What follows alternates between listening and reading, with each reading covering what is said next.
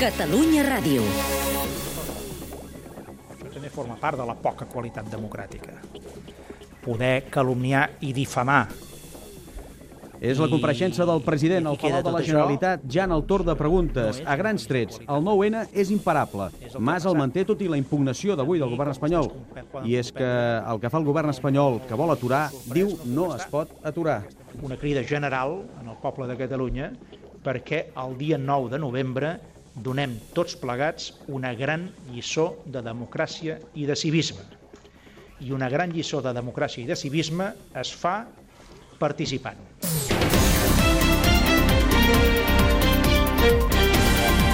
Catalunya Vespre. Edita i presenta Kilian Sabrià.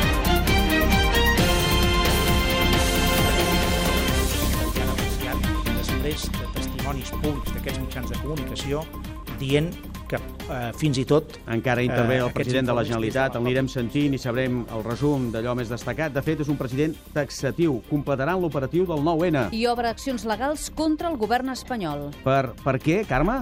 Doncs per abús de poder i de dret diu el president de la Generalitat que vol protegir les competències que li són pròpies en matèria de participació ciutadana. Mas es reserva també l'opció de convocar de forma urgent una reunió del Pacte Nacional pel Dret a decidir abans del 9 de novembre. Mentrestant, assegura, tot continua endavant.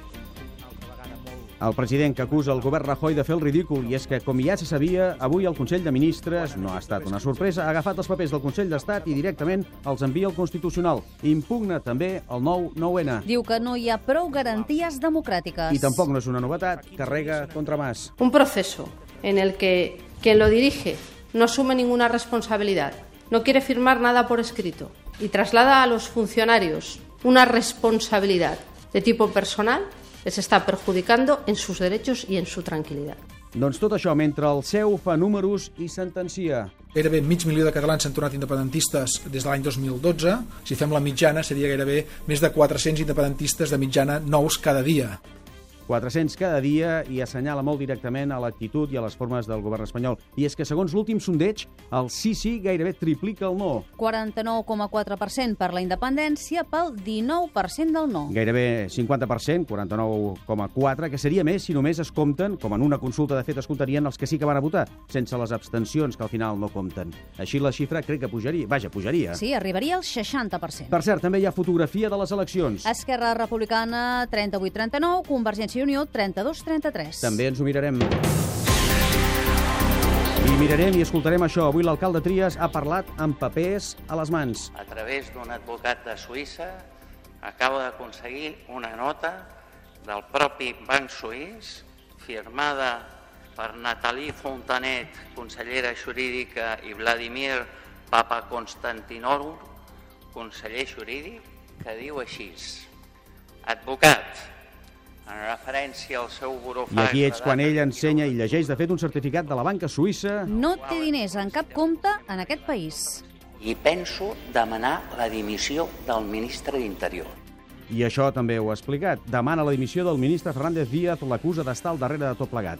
I ara sí, i al davant, l'última de les corrupcions, cas Púnica. Presó incondicional i sense fiança per número 2 d'Esperanza Aguirre i el seu soci. I el govern Rajoy intentant treure el cap amb un Consell de la Transparència i compartint dies amb aquestes xifres d'escàndol i prenent consciència de la duresa del moment. El risc de passar a ser pobre ja afecta a una de cada cinc catalans. A un de cada cinc ciutadans del país. I els nens els que pitjor ho passen. En canvi, en un altre punt, a l'Àfrica, la gent se'n surt. El president de Burkina Faso abandona el poder. De fet, més que la gent, potser ha estat l'exèrcit, que és qui assumeix el poder. Constatant la vacance du pouvoir ainsi créé, considérant Aquest l'urgence... és el nou home fort, el general Traoré. I Blaise Campaoré, on és, Gemma Parellada? Bona tarda. El poble ha tombat el president de Burkina Faso. Les massives mobilitzacions ciutadanes que des d'ahir van inundar els carrers l'han fet fugir finalment aquesta tarda i ara són hores de confusió i també descontrol. És la ressaca després de la victòria. I avui, dia de pregària amb més acció, oració.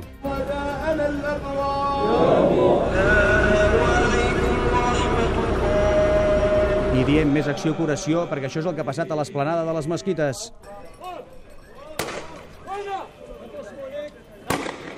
Enfrontaments entre policia israeliana i joves palestins. Vuit ferits. Ho explicarem ara mateix, a les 7 i 5 als esports.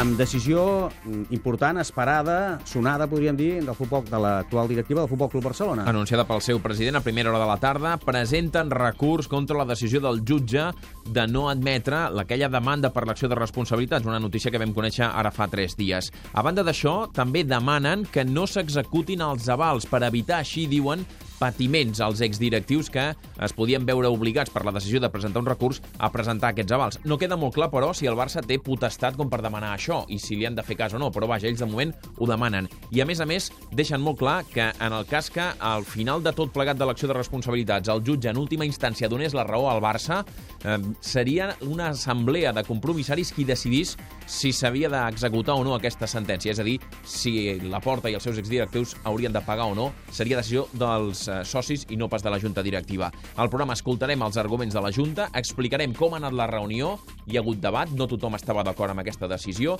i a més a més escoltarem també l'opinió de l'altra part, de la part de la Porta i els exdirectius. Ja han reaccionat pres. això? Eh, es reaccionaran al programa. Ah, programa, Els hi fantàstic. preguntarem per Fantàstic. saber com, com ho han encaixat. A tot això, demà hi ha partit, el Barça juga contra el Celta, avui n'ha parlat Luis Enrique, hi ha jornada de Lliga, Ancelotti, que no també ho ha sembla, parlat avui. però- Sí, no ho sembla, estem més pendents d'altres sí, coses sí. durant tota la setmana, més de judicis que no pas de futbol, però demà hi ha futbol. I avui hi ha cotxes. Jordi Tenes, on són els cotxes i com estan i com es mouen? Doncs es mouen a poc a poc pràcticament a aquesta hora perquè hi ha molta afluència de vehicles, eh, sobretot a l'àrea metropolitana de, de sortida. A l'A2 trobem intensitat i retencions a l'altura de Cornellà de Llobregat en direcció a Lleida. També a les rondes amb problemes a la B10 a aquesta hora hi ha retencions al Bon Pastor, des del Bon Pastor i del Port en sentit del Nus de la Trinitat i també des de la carretera d'Esplugues cap a Llobregat. A la B20 des de Valldaura, novament cap a Trinitat i a la Pota Nord a Santa Coloma de Gramenet en sentit Barcelona. Per cert, estem veient també per càmeres que a l'altura de Valldaura, en aquesta B20, també hi ha retencions a aquesta hora en sentit Llobregat. A la B23 s'ha reobert el carril tallat a causa d'un accident. Retencions a l'altura de Sant Joan d'Espí, però en sentit Molins de Rei. També la C12, en aquest cas, tallada a Tortosa, en els dos sentits de la marxa, a causa d'un accident. Hi ha retencions en els dos sentits de la marxa. També trobem problemes a la C58, a Ripollet i a Sant Quirze del Vallès, en sentit Manresa, a la C32, amb intensitat i retencions al túnel de Mataró, al Maresme, cap a la sortida de Mataró Oest, i a la C31, amb retencions d'entrada a Barcelona per la plaça d'Espanya i a l'Hospitalet cap a la sortida 195A en sentit Castelldefels. És un tast dels problemes que hi ha a aquesta hora a la xarxa viària del país.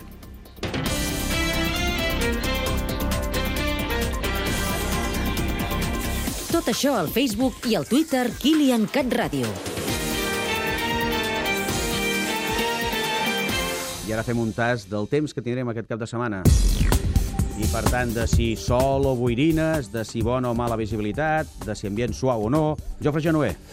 Bona tarda, Kilian. Doncs acabem aquest octubre parlant de gairebé rècord, perquè ha sigut eh, l'octubre, juntament amb el 2013, més càlid dels últims 100 anys. Déu-n'hi-do. Eh, sembla que el novembre, que comença demà, ho farà amb ganes de canviar. Canviarà sobretot a partir de la propera setmana, cap de setmana encara tranquil, com bé deies, amb algunes boires, boirines, amb alguns núvols baixos sempre més abundants a primeres hores, en tendència a trencar-se al llarg del dia, imposant-se el sol, Sí. i aquesta dualitat de temperatures entre la matinada i les hores diurnes que s'ha de mantenir. A partir de diumenge augmenten els núvols i la setmana que ve dimarts canvia radicalment el panorama amb pluges, descens de les temperatures i neu al Pirineu. Aquí la gent ho pregunta molt. Dimarts, eh? És el dia clau, eh? Així és, de moment sí. Molt bé. Doncs, fins, vaja, fins dilluns abans de dimarts ja parlarem. Que vagi bé. Bona tarda. Bona tarda i bon cap de setmana. Igualment.